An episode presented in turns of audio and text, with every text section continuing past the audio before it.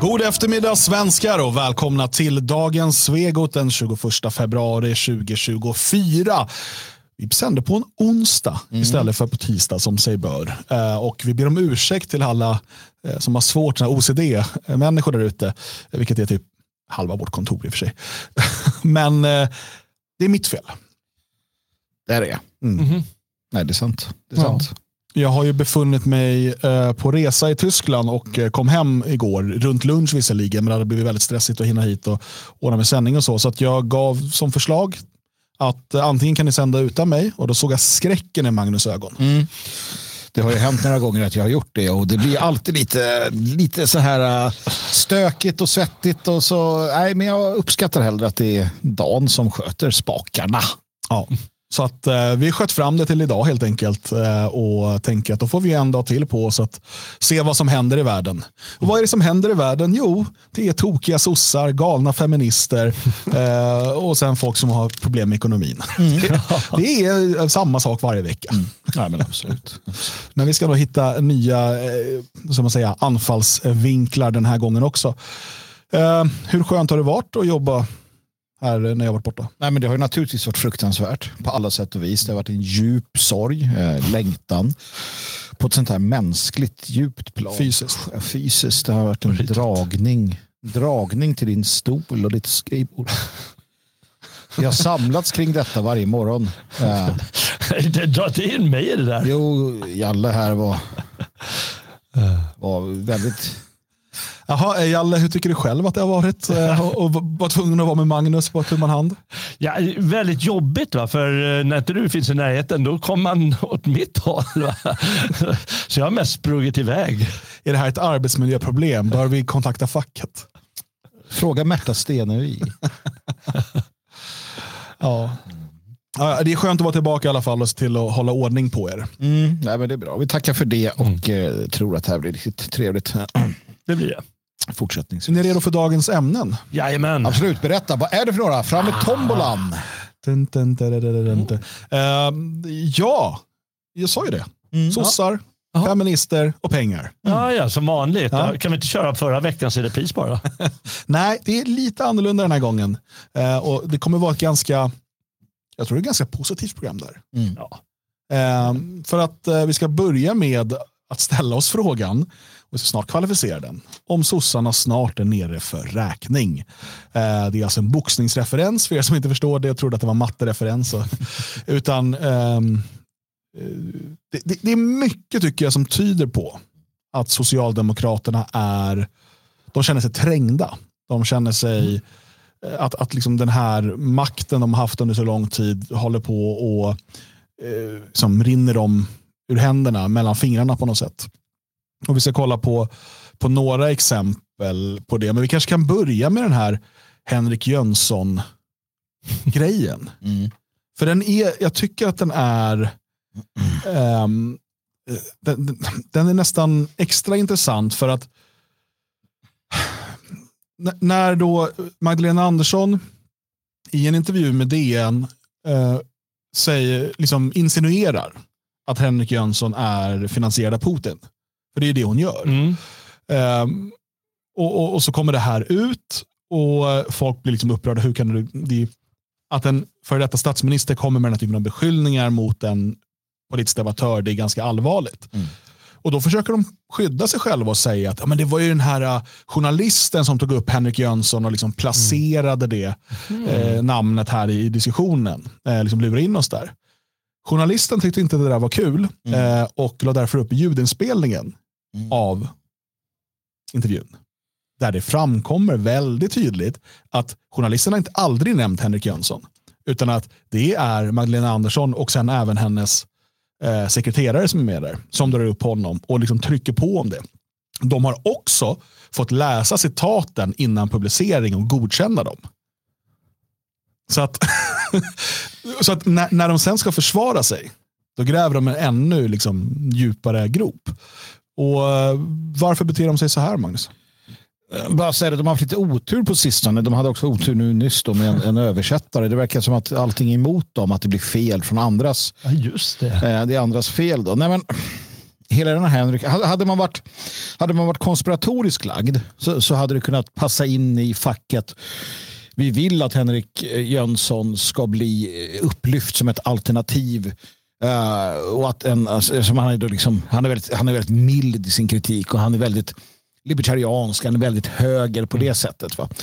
Uh, men jag tror inte det, utan jag tror att det handlar om en, en uh, allt mer desperat socialdemokratisk partiorganisation som inte riktigt har koll längre. Och det beror mycket på att man har ersatt den här idén med äldre eh, svenska män som driver partiet och som är de starka krafterna med liksom så här bruttor som eh, liksom sitter där och ska vara som Andersson och Pettersson och Lundström och jag och vilka det nu är. Va? Eh, och en sån där förklenad typ som Baudin som inte vågar säga, säga emot. Då får du den här typen av känslomässighet som gör att Arja Andersson, då, som hon, hon vill att vi ska kalla henne för det. Det, det är det hon vill, så jag gjorde det nu. Men att, att hon då på något sätt eh, eh kan liksom... Ja, det, hon kan inte kontrollera sig helt enkelt. Hon blir så där arg och så säger hon saker. Och, eh, det passar liksom inte riktigt eh, och det blir fel. och jag tror att vi kommer få se mer av den varan. Och sen är det ju, ju som, som sagt, Jalle och Dan, det här eh, eh ett resultat av att man var, lärde sig just eh, den här typen av eh, politik i eh, USA. Sen tycker jag att de gör det dåligt. de blir liksom påkomna på ett sätt som... Pinsamt dåligt. Jag förstår överhuvudtaget inte varför de ger sig på Henrik Jönsson. Vad är, vad är, vad är målet med det? Okej, okay, han syns lite mycket nu och han är så här eh, youtuber. Då kan han ge sig på alla som är liksom, i den sfären. Men det finns väl andra att ge sig på som, är, som ger mycket bättre. Okej, okay, han pratar säkert skit om sossarna eh, ofta, men varför, varför men, han? Ja, han har ju fått en del uppmärksamhet på sistone. Jag fick ju vara med i det här uh eh, Suonen-programmet på SVT istället för Teodorescu en gång och sådär. Mm. han dyker upp i, skriver väl i Svenska Dagbladet ibland. Han eh, är väl med i något P1-program ibland tror jag. Sen mm. har jag kvartal eh, där han är med mm. ibland och så. Så han syns ju en del, men framförallt tror jag, eh, för det som Henrik Jönsson gör och det han gör bra, det är att han sammanfattar saker som alla redan har sagt. Mm på ett ganska bra sätt och han är duktig på liksom videoredigering, eller vem som nu redigerar hans videos. Mm. Vem som nu betalar det. um, men är duktig på liksom, uh, att göra det um, kort, koncist. Det brukar vara en kvart, 20 minuter hans filmklipp. Mm. Och, och, sådär, som levererar. Jag, jag har märkt uh, på klubben där jag tränar, då var det två Eh, äldre herrar, jag vet inte, de var väl runt 60 kanske. Där. Och de satt och pratade om den senaste filmen från Henrik Jönsson. Mm, mm. Eh, liksom, nej, han når ut på ett sätt sådär, och han gör det på ett, eh, liksom, på, på, ett smart sätt. Han, han, är duktig på det han gör. Mm. Sen så delar han och jag inte åsikter, det är liksom, men det är en annan fråga. Ja. Eh, och därför tror jag att man tycker att han är jobbig. För vilken annan ska man säga så här, oberoende hur mycket man nu kan vara det, högerdebattör når ut på samma sätt som han gör. Jag tror inte många gör det. Dessutom har han gjort några filmklipp där han just går till attack mot sossarna. Mm. Mm. Deras lögner, deras hyckleri mm. och så mm. vidare. Så jag tror att han är en nagel ögat på Sveavägen 68. Okej. Okay. Eh, ska för övrigt nämna att eh, även, säger man Baudin eller Baudin eller Baudin? Baudong. lång kalsong. Eh, Baudin eh, tror jag. Det är, eh, han är en sorts överkoko i sossarna. Han är gamla fackbasen ju. Ja, um, men nu parti, är han... Är han partisekreterare eller ja, andra? Okay. Han är en väldigt viktig roll. Han var också ute och, och mm. försvarade Maggan. Och han har för övrigt också, han var ju med där i USA. Det var ju han och Maggan som var de som eh, var i USA i första hand. Mm. Och lärde sig. Och han var också ute och försvarade henne på ett otroligt patetiskt sätt. Eh, att eh, nej men det finns ingen anledning att blanda ihop de där korten mellan Henrik Jönsson och ryssarna. Mm i den här intervjun. Mm. Eh, varför ska man göra det? Mm. som att det inte fanns någon insinuering. Mm. Det är ungefär som eh, vi kommer komma till vad de har gjort den här eh, tidningen i Tyskland, Vorwärts. Mm. Att säga nej men det är inte mot Sverigedemokraterna. det är mm. liksom, man, man undrar är det meningen att de ska lyckas med det här? Det måste ju finnas något smart med Ibland det. Ibland får man nästan, för just båda de här gångerna när Bodin då har varit ute och eller Baudin varit ute och försvarat Maggan här efter, så får man nästan känslan av att de vill göra fel med flit för att få uppmärksamhet. Eh, det finns en sån klassisk grej i till exempel om du vill ha mycket eh, på sociala medier, om du vill ha mycket interaktioner, då ska du nämna någonting som är fel så att besserwissrar börjar kommentera. Det funkar alltid. Eller om du anmärker på någon stavning så ska du stava fel med flit, för då kommer du få jättemycket interaktioner. Det finns mm. folk som tycker, går igång på det där. Mm. Um, så att och det kan, jag vet inte om det är samma sak här. Enda sättet för dem att få, för, att få uppmärksamhet det är att de här små felen smyger sig in. Den tyska artikeln som vi kommer till snart tror jag faktiskt är en översättningsmiss. Mm. Eh, de har visat upp lite mejlkonversationer och sånt från original. Så det, det, verkar vara så att översättaren har varit lite väl liberal i, i liksom det här citatet. Men ja, kanske, kanske handlar det här om att, att det är så pass genomtänkt. Mm. Att man... Nej, alltså jag tror fortfarande, jag tror inte det. Jag tror att det är, jag tror att det är eh, desperationen i ett parti som, um, som ser att de har problem. Jag tänker Henrik Jönsson, det är ju den de, som sagt, han är ju ett hot mot dem. Framförallt för att han har tagit liksom lite av av det material som har getts ut om socialdemokratin, och mångkulturen, hur det blivit som det har blivit, så har han gjort schyssta filmer av det. Uh, också att han är, han är anständig i liksom allas ögon. Dina, dina de där herrarna där kunde sitta och titta på honom och sådär. Och, och, du kan liksom visa upp honom i finrummet. Du kan sitta på ditt jobb vart det än må vara och säga att ja, men Henrik Jönsson, han, han, för att han är fortfarande en sån som liksom eh, har statsministern på, på besök i sin studio. Mm. Och han är väl den enda som också är verbal och, och har den här förmågan. Och det är för att han aldrig, han, han är ju inte belastad. Han har ju inte sagt någonting. Han, är ju, han var ju tills alldeles nyligen för massinvandring och tyckte inte det var ett problem. Uh, och så vidare. Uh, och han är inte knuten till ett parti som till exempel Hanif Bali som är moderat liksom, i grunden. Så att han, han är ganska unik på det sättet. Uh, och Han rör sig i det här gänget. Jag såg att han var ute med någon, eh, någon miljonärer, Chang Frick och, och, det här. Det finns ju det här uh, gänget liksom, kring de här människorna. Um, och Det är klart att de har väldigt mycket inflytande. De blir mer och mer inflytelserika. Vilket jag kan se som ett problem också. För att jag tycker att de mm. i allt väsentligt har fel i, i många slutsatser. Mats i chatten här, så här, det är väl lite samma genre som Anders Lindberg och eh, han tyckte ni var duktig på det ni gör. Jag tror jag menar alltså det här med att skriva fel. För det har vi varit inne på att um, um, Lindberg, han skriver saker medvetet för att provocera för mm. att få uppmärksamhet. Mm. Och det är precis det jag menar. Det kan ju vara så att det mm. är så pass överlagt. Uh, eller så bara är det en sån här, vet, ibland kan man ha en intern jargong inom en grupp, eh, ett parti eller vad som helst. Som man kanske inte ska alltid ha när man pratar med eh, DN. Mm. Och att man kanske på kansliet har pratat om Henrik Jönsson. Mm. Som sa, men vem är det som finansierar den där egentligen? Nu hade det varit ganska lätt att kolla upp att han sålde ju sin, han höll på med animation, studio som, han hade en studio som gjorde 3D-animationer eller filmredigering av något slag mm. som han sålde och tjänade väldigt mycket pengar på. Mm. Um, och sen har han ju Swish och sådär så han får väl in en hel del där. Um, det är inte så här, ja, det är också lite pinsamt för om Magdalena Andersson tror att det är svindyrt mm. att producera de där mm. filmerna. Eh, det är klart att det tar tid och det är lite eh, liksom, vad ska man säga, um, olika verktyg som man behöver och sådär. Mm. Men det visar också, du vet, för när de själva betalar ut skattepengar till någonting, du vet när Knyppelförbundet ska göra en podcast mm. och de, ja, det kostar 50 000 per avsnitt för oss att producera den här podden med sju lyssnare. Mm. Det är roligt ju när Slöseriombudsmannen går igenom det. Och det är väl så hon ja. tror, det är väl så det funkar i partiet. De har ju något webb-tv-program som aldrig har mer än 100 tittare. Mm. Eh, och det är väl säkert 15 000 skattekronor varje gång man slår på kameran. Liksom. Ja, men men eh, jag menar, de, har ju täta kontakter med Säpo. Det är klart att de vet eller inte vet om Henrik Jönsson är köpt av ryssar mm. och att det är de som sponsrar honom. Så det är uppenbar, uppenbarligen så att de är rädda för honom. Ja. Det är det ena. Och det andra är, och det har vi varit inne på varför, det är för att han är duktig och han mm. syns och så vidare.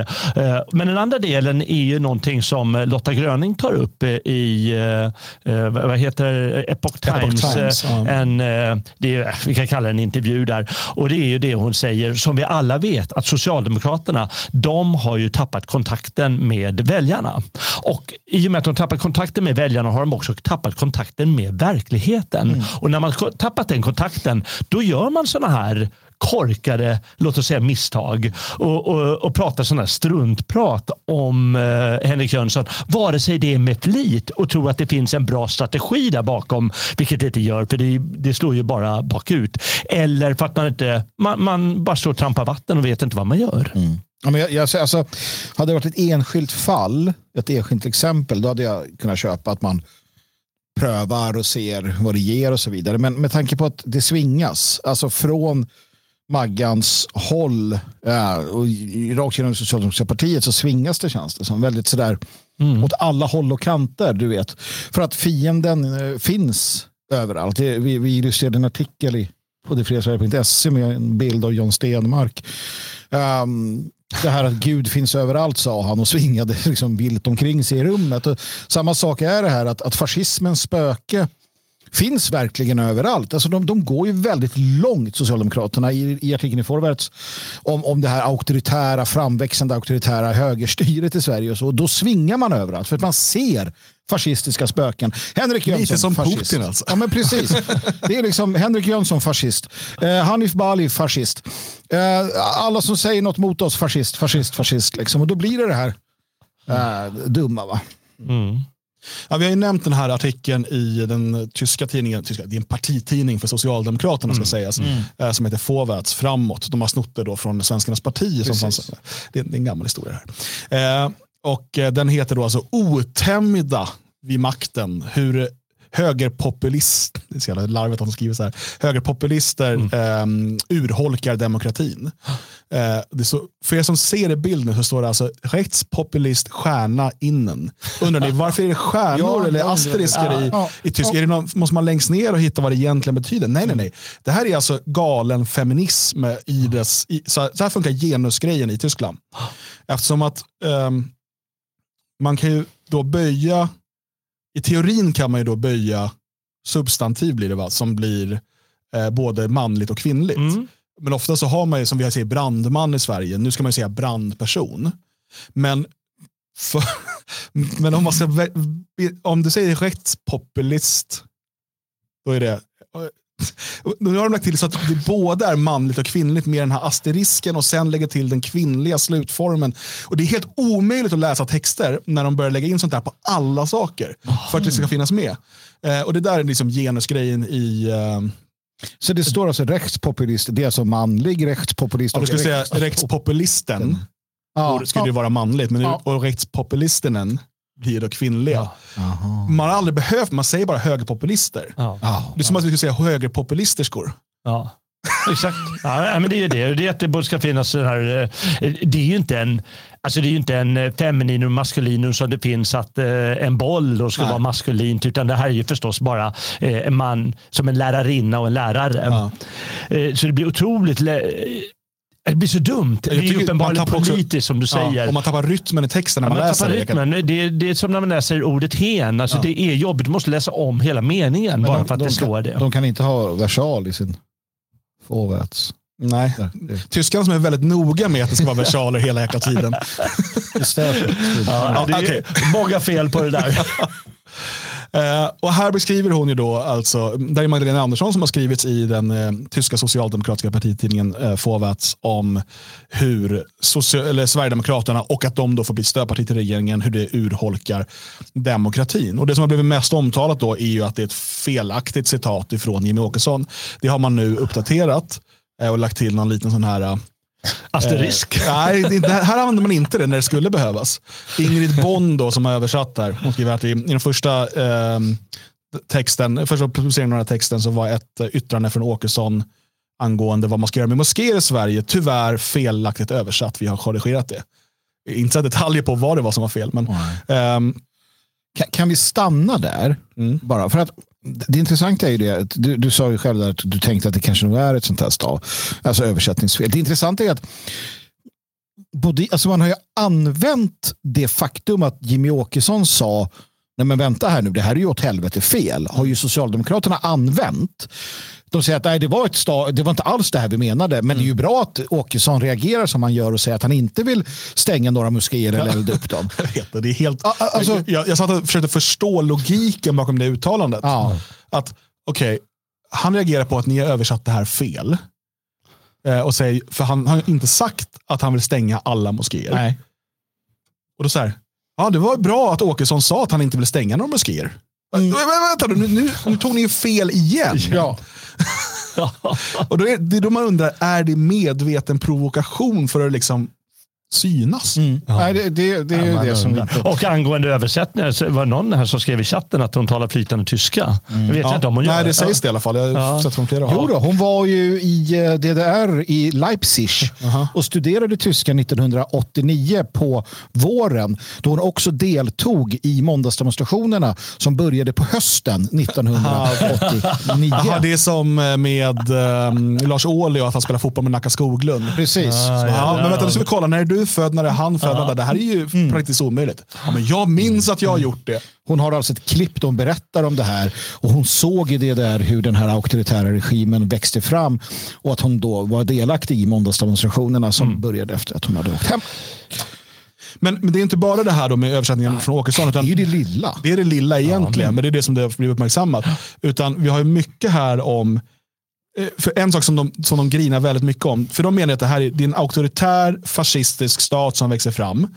Um, och um, att man nu då försöker med lagstiftning tysta oppositionen. Mm. Det hon menar då alltså, det är att de inte längre ska få sälja lotter på kredit till pensionärer och skicka dem till Kronofogden. Mm. Det är att med lagstiftning försöka tysta oppositionen. Mm. Eh, en annan sak som man vill driva igenom, som de är väldigt upprörda över, det är att fackförbund inte ska få donera pengar till politiska partier mm. utan att medlemmarna fått vara med och bestämma om det. Och Det är också ett sätt att försöka tysta oppositionen. Mm. mm. Och att man byter ut verkstä, alltså, direktörer i, i myndigheter tar hon också upp. att man har, liksom, man, man har sagt från SD sida att man rensar träsket eller att jippi nu ska vi göra oss av med de här. Uh, samt att man stryper fri media. Public service menar hon alltså. Mm. Uh, vill jag minnas. Alltså det, det är en räcka av uh, sånt som ganska normalt sker när ett nytt, ett nytt parti tar över. Att man ändrar på en massa saker. Liksom. Ja. Jag, jag, tycker den är ganska, jag vet inte vad ska kalla, låt oss kalla det skrämmande den här artikeln. Mm. För det är ju uppenbart det, det, är en flört med eh, tyska myndigheter och framför allt då vänstersidan i Tyskland mm. som det har varit mycket snack om att de vill förbjuda AFD. Mm. Och de har förbjudit en massa andra eh, partier eller partiverksamhet och gjort tillslag och eh, kallat dem för eh, eh vad kallar de det? Stats, eh, statskupp eh, använder de ordet som. Och det här är social, svenska socialdemokraternas mm. flört med hela det, låt oss kalla narrativet eller den eh, framfarten som ändå finns i flera länder i Europa. Och att de faktiskt vill tysta oppositionen i Sverige. Mm. Det är vad de vill göra via media. Och eh, de, att ge sig på Jönsson på det här sättet, det är ju ett sätt att vilja tysta honom och censurera mm. honom. Så det finns väldigt mycket i den här artikeln som ändå man fattar hur de, hur hur de börjar tänka och hur, de flörtar med de här idéerna. Men, men, bara säga det, för att vi måste också tänka på att vi är väldigt insatta i det här med lotterierna och allt det där. Det, liksom, vi, förstår, vi förstår egentligen vad hon menar, för på ett sätt ljuger hon inte. Mm. Hon är bara oärlig i hur hon framställer det. För att, jag, jag, jag läser den här, jag översätter den här eh, direkt nu.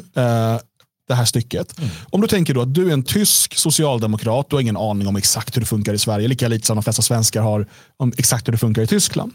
Och så skriver hon så här. För att tysta oppositionen så är eh, högerpopulisterna beredda att um, strypa finansieringen till den svenska socialdemokratin genom um, um, inte, vad heter man, lagar, alltså lagändringar. Uh, Sverigedemokraterna säger till, och med, till exempel öppet att deras mål är ett, ett kortare första maj-tåg. Mm. Ja, men alltså att färre ska vilja delta i första maj. Mm. Mm.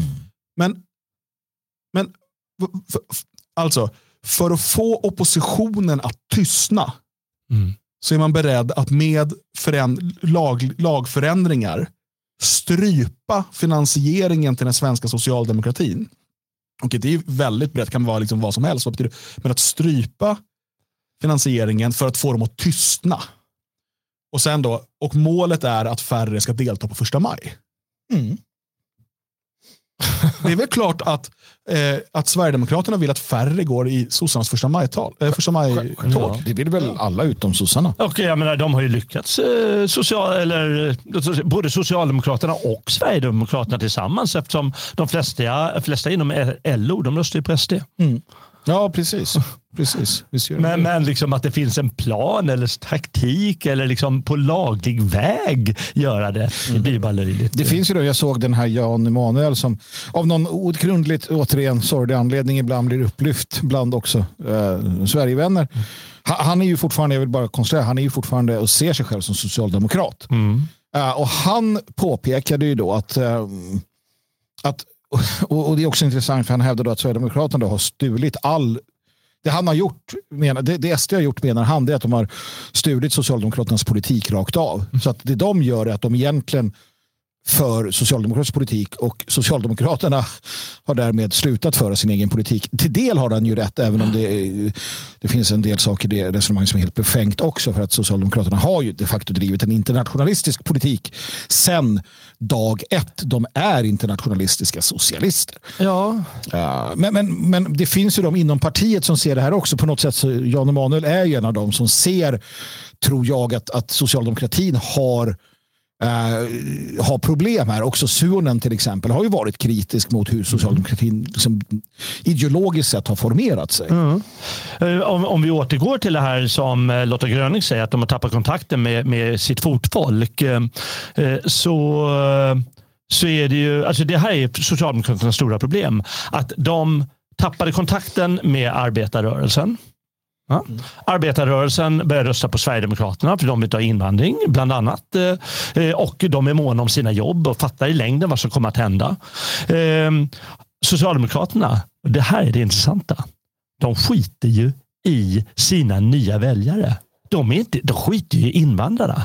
De har ju ingen kontakt med invandrarna överhuvudtaget. Och det är därför partiet kommer gå under inom kort. Därför att de har tappat kontakten med alla sina väljargrupper. Och, och de här invandrargrupperna som man nu är väldigt beroende av, de kommer ju vända sig någon annanstans snart. För dessutom är det ju så att i någon typ av desperation att få tillbaka svenska arbetare så försöker man ju nu kopiera retorik från Sverigedemokraterna och sådär. Eh, och, det kommer, ja, och, och då kommer man ju göra sig ovän med invandrargruppen som kommer gå till, jag tror inte just partiet Nyans, men liknande partier som kommer dyka upp. Men, men det är intressant här är ju att eh, Socialdemokraterna de kräver ju, alltså det, det är ju ett problem hos dem, de kräver ju de här rösterna. De kräver att egentligen att arbetarklassen, eller vad jag ska kalla dem för, ska rösta på Socialdemokraterna. Ja, och på samma sätt så vill de egentligen kräva det av eh, de här invandrarna. Men de kommer inte göra det. Och skälet till att de hatar SD så mycket, det är ju förstås att de, de kräver det här av, arbeta, av arbetarna. Men de röstar på Sverigedemokraterna. Så då hatar både arbetarklassen numera och de hatar Sverigedemokraterna som är deras främsta eh, utmanare och politiska motståndare. Och, eh, alltså, de har ju ingenting kvar. Man, kan- samma sak med Centerpartiet. De förlorar kontakten med landsbygden och bönderna. Eh, och eh, de hatar ju bönderna numera. De hatar ju folk på landsbygden. De, de, de har ju det i sin retorik, eh, Centerpartiet. Eh, att ja, men de är korkade på landsbygden ungefär. Och Det är samma sak med sossarna nu. Och de gräver sin egen grav. Och Det är därför man hör allt det här, den här konstiga eh, grejerna som kommer upp om Henrik Jönsson och den här knäppartikeln i Påvats och så, allt, vad, allt vad hon har gjort nu, Maggan, under sina år som, eh, eller sitt år som partiledare. Ja. Eh, Här eh, i bild nu ser vi ju det här som vi pratade om tidigare då med eh, Baudins eh, underliga. Då. Alltså, så här säger han. Enligt Baudin har kontroversen fått Åkesson att ändra sig om moskéerna. Citat, det positiva med ordet som felöversätts av översättaren det är att Åkesson tar tydlig ställning och rycker ut till försvar av moskéer, att de inte ska rivas. alltså det, det är så himla konstigt. Att jag liksom, för han sa ju något liknande konstigt när det var den här Henrik Jönsson-debatten. Ja, precis. Jo. Det, det är som att det är så här, skicka fram knäppisen, han får säga saker. Ja, det känns lite så. Men det känns, de, kan, de kanske packar det, jag vet inte. Det är inte omöjligt. När Annika Strandhäll börjar dela så här islamofobiska Ja, det. memer. Men. Jag har ännu inte kunnat, eh, alltså det ligger kvar. Kolla, kolla den ansiktsuttrycket. Ja, men det är helt, ja, eh, ja, alltså, ja, det, det, det, är inte rimligt på något sätt. Alltså, det finns inget rimligt i det hon har gjort här. Och, och jag tycker att ingen verkar förstå det. Alltså... Nej, nej, men det är ju för att de är lost in space, eh, sossarna. Och ska vi äntligen se det där Greklandsdyket där de dyker ner på sina 7 procent. Eh, det kommer ju hända om de fortsätter så här. Ja, alltså, ja. Jag, ser, jag ser att det finns en väg ut, en väg framåt. Och det är att de blir en, alltså att, de, att, de, att de lägger till en, en väldigt alltså tydlig nationalism framför sin socialism. Mm. Uh, som ett, ett, ett, att, alltså det blir ett mer nationalistiskt vänsterparti. Kan vi bara liksom, kolla på den här innan vi går till nästa ämne då? Per Gudmundsson skriver, Magdalena Andersson havererar totalt utomlands. Svenska regeringsunderlaget beskrivs som citat antidemokratiskt, i krig mot demokratiska institutioner och i linje med auktoritära regimer. Då svarar hon, det är på alla sätt helt sant att ni som varit dörrmattor för utvecklingen tycker det är obehagligt ändrar inte faktum. Sen har vi då en bild på en person, vad jag tror en kvinna i burka, som säger What did you do during the Islamic takeover dad? Och då svarar gubben Well honey I called everyone a far right racist bigoted islamophobic nazi. Kan ni förklara det här för mig? Alltså, hon är ju antimuslim. Men alltså, kan hon inte engelska? Hon tror att det här är en att det här är något mot muslimer och att det är sånt här, eller, eller alltså att det är mot, eller är det så att hon hade sparat fel bild och laddat upp den? Det förklarar fortfarande inte. Det här är så den 19 februari klockan 20 i fyra på eftermiddagen. Mm. Det är två dygn sedan nu. Det ligger mm. fortfarande kvar. Hon har inte förklarat sig. Mm. Nej. Och, för att, mm. Det som är sant är då det Magdalena Andersson har sagt utomlands. Ja, det måste det vara. Och dörrmattor måste ju vara då att eh, högern har varit dörrmattor åt Sverigedemokraterna. Fast här visar att högern har varit dörrmattor åt den islamisterna. Ja, mm. Åt islamiseringen. Ja. Mm. Och då menar hon är emot islamisering. Vilket... Är, hon full redan så tidigt tror ni? Fast hon är ju socialdemokrat så hon är ju emot islamisering. Alltså det är jag rätt säker på. Alla socialdemokrater ah. är emot. Ja, jo, ja, men de är ju för en socialdemokratisk enpartistat. De är inte för ett kalifat. Så långt har det väl inte gått inom SAP? Va? Eller? Nej, men det kan det inte gjort. Jag bara ser framför mig när, när hon ska kasta upp det här, ja. vad heter det, Strandhäll. De ska lägga upp den här kommentaren. Jag bara, jag bara ser framför mig. Hon, ska välja du, hon, hon har ju alltså varit minister. Alltså, hon ja. känner ju Maggan personligt. Varför har ingen så ringt henne, Annika? Men där har vi svaret. Skälet till att de kallar den här regeringen för auktoritär det är för att de inte bara går runt så här och nu gör vi det här. Utan de stramar upp det lite. Ja, nej, det, ja, men det, varför har ingen sagt åt det? Det finns väl parti, alltså det finns ju människor i partiet som bara wow, Annika, det här var dumt. Eller Nej, men se på Baudin, han har inte gått ut och gjort det. Nej, och det är därför du menar, det de förbereder. Det är en retorikförändring. Det är att bli en nationalistisk, socialistisk eh, arbetarparti. Ett svenskt national... Nat, en, ett svenskt... NSSAP. NSSAP. Sveriges nationella socialistiska arbetarparti. SNASP. SNASP, precis. Eh, det, det, ja, men vad, vad, är det som är antimuslimskt och som ska så här, fylka arbetarna i bruna skjortor eller någon annan färg. Gud vad det börjar låta som de här boomergubbarna nu. Sossarna är de riktiga ja, men Tänk om det är så jävla kul. tänk om, ja, tänk om vi har sån jävla tur. jag tänkte på det också som hon säger i sin artikel här i Fåvät. Um, det är också så här att hon, just de här, de här jämförelserna som hon gör då. Uh, ska se om jag kan hitta den igen bara. Uh, hon då jämför, jag får, jag får göra ett sånt här klassiskt sök. Mm. Här. I sitt tal eh, menar Åkesson att eh, de sven den svenska socialdemokratin är en aktiv del av den islamistiska rörelsen. Ett uttalande som är precis som Putins uttalanden om att Zelensky är nazist. Ja, fast det är det ju inte. För att de har ju... Han kvalificerar ju dessutom genom att till exempel avtalet som man skrev med Muslimska brödraskapet, ja. han kvalificerar det med Jamal al-Hash och med ja. hur man samarbetar med islamister. Um, han kvalificerar det med att man samarbetar med uh, islamister i Mellanöstern och så vidare. Eller menar hon uh, ärligt talat så här då att Zelensky accepterar ju, uh, utan tvekan accepterar och använder sig av ja, alltså stora militära enheter som är uppenbart nationalsocialistiska. Det finns ju där. Och att hon menar att jag gör samma sak fast med muslimerna.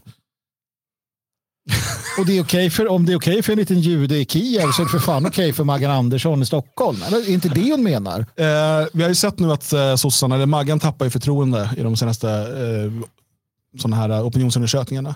Eh, kommer man byta ut henne innan valet? Hur många fler urspårningar? I, i, I feminismens namn tror jag inte de vågar. Nej. Nej. Jag tror inte de... Eh, På tal om feminism. Få, ja. Har ni sett SVT Agenda i söndags? ja, men det, alltså det gör jag bara ondare och ondare. Jag på det här. morgonen, jag vaknade och så, bara, så satte jag igång och så lyssnade på Gud, katterna sprang iväg. De orkade inte höra det där. Helt hemskt. Ja, det är speciellt. Och vi ska inte kolla på hela inslaget för det finns det är ännu mer dumheter. Men här intervjuar man då en sån här, äh, vad kallar de det för, barn och ungdomsforskare. Mm. Ehm, eh, som man förtroendeingivande kille. Ja, i studion. Och han... Eh, ja, för, för, vad handlar det om då? Jo, det handlar om att män och kvinnor röstar olika. Och Då ska man försöka förstå varför. Och Det intressanta i det här är att hela reportaget, inte bara den här intervjun, utgår ifrån att det är något fel på männen. Ja, det jag vet. Det, ja, men för det är liksom det, det som är hela... Det finns inte, ingen ska förklara... Alltså det, det är liksom, kvinnorna gör rätt, ja. men varför kan inte männen bara göra som kvinnorna? Vad är det för fel på dem? Det är liksom det är frågeställningen. Det är underbart. Och att de inte någon gång under det redaktionella arbetet bara så här kan ju inte vi måste väl ha en lite mer neutralare frågeställning. Nej, nej, nej. Varför är män dumma i huvudet? Det är, det är en av de, alltså, oh. Tydligare än så här har de nog aldrig varit. Nej, nästan. verkligen alltså, inte. Det... Nej, det är verkligen skrämmande att höra. Jag vet inte vad jag ska kalla det. Ja, men vi kan lyssna lite på det. Mm. Aldrig tidigare har eh, det varit så stor skillnad i politiska åsikter mellan män och kvinnor som idag. Och du pratar om tre områden som kan förklara varför unga svenska män går eh, och har gått högerut. Vi ska titta på några av dem. Bland annat arbetsmarknaden. Eh, den... Det är också att män har gått högerut. Det är också intressant för att det, kvinnor har i lika stor grad gått vänster, om inte mm. ännu mer. Mm, mm. Tittar man internationella jämförelser, för man, det ser liknande ut överallt, så ser man att männens politiska rörelse är betydligt mindre mm. än kvinnorna som är betydligt mer extrem. Ja. Men, det är ju, men, men, men det de utgår ifrån är att kvinnornas åsikt är baslinjen. Men vi ja. lever i, och det här, nu, nu måste jag säga det här, mm. för det har inte jag gjort tidigare. Jag har sagt att vi har varit på väg. Men vi lever i ett matriarkat.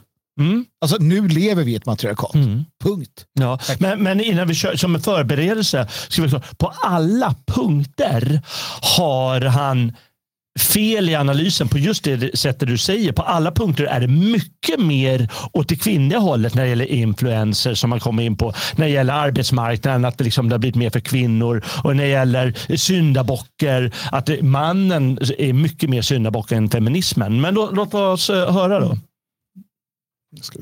Den förändringen spelar roll. På vilket sätt då? Alltså det kan åtminstone delvis spela roll. Eh, och det vi ser är att det är, som vi hörde i inslaget, också ganska stora arbetsmarknadsförändringar där klassiska manliga arbetaryrken har eh, till stor del försvunnit tjejer pluggar vidare i högre grad än killar och så. Eh, och det här gör ju då att eh, tillsammans med en ungdomsarbetslöshet gör att det, är du en ung man idag så kan det vara ganska svårt att leva upp till klassiska manlighetsideal som att försörja dig själv eller en eventuellt framtida familj och så vidare och skapa just en känsla av otrygghet och oro. Samtidigt ska man också komma säga att det här gäller väldigt mycket internationell, eh, exempelvis det vi såg i USA kan förklaras delvis med det. I en svensk kontext har vi... Det vi såg i USA. Mm. Där vet man att de är polare. Liksom, för att, du vet vad jag menar. Ja, ja, ja. Hon bara, mm. Är det det han menar är att Trump blev... För, alltså, det här, inte heller, jag har sett hela reportaget. Mm. Mm. Eh, och det, finns, det, det, måste ju vara att de menar att Trump blev vald. Ja, ja, det mm. Men det är så självklart för dem, det vi såg i ja. USA. Eh, och, och, Det han säger här om de har lägre utbildning och så vidare. Jag tror han kommer säga det senare i och för sig. Men eh, män är arbetslösa i lägre grad än kvinnor. Mm. Så det förklar- jag förstår inte vad det ska ha med saken att göra. Nej, men han vill mena att eh, män är eh, mer arbetslösa de kommer in på, in på arbetsmarknaden på samma sätt som förut och eh, de har inte samma status på arbetsmarknaden som förut. Alltså känner de sig otrygga i sin roll att eh, vara familjeöverhuvud och då i sin otrygghet, märker hur han nedvärderar männen, så röstar han på högerpartier. För fyren han lovar nämligen männen att de ska bli stora och starka och viktiga i samhället. Mm. Det är väl så, eller Trump i det här fallet, det är väl så resonemanget är i hans eh, snömoshjärna.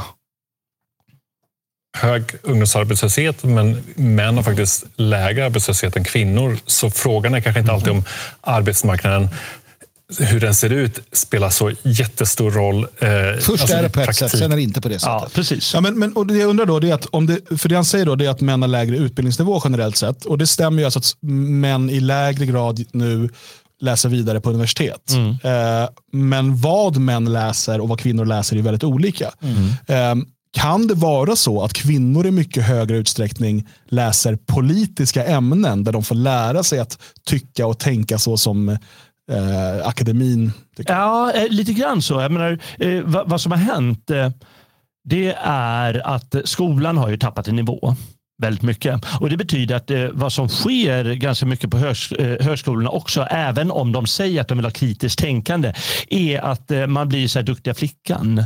Och Det är väldigt vanligt om du går i mellanstadiet och lågstadiet. Och så, ja, men flickorna är lugna och de sitter och jobbar och det är därför de får fördelarna nu. Men killarna är lite stökiga och tycker att ja, men det är tråkigt eller, eh, eller vad som helst. Och Det har rört sig uppåt. Att det är så på högstadiet och det är på gymnasiet och det är rent av så på universiteten numera.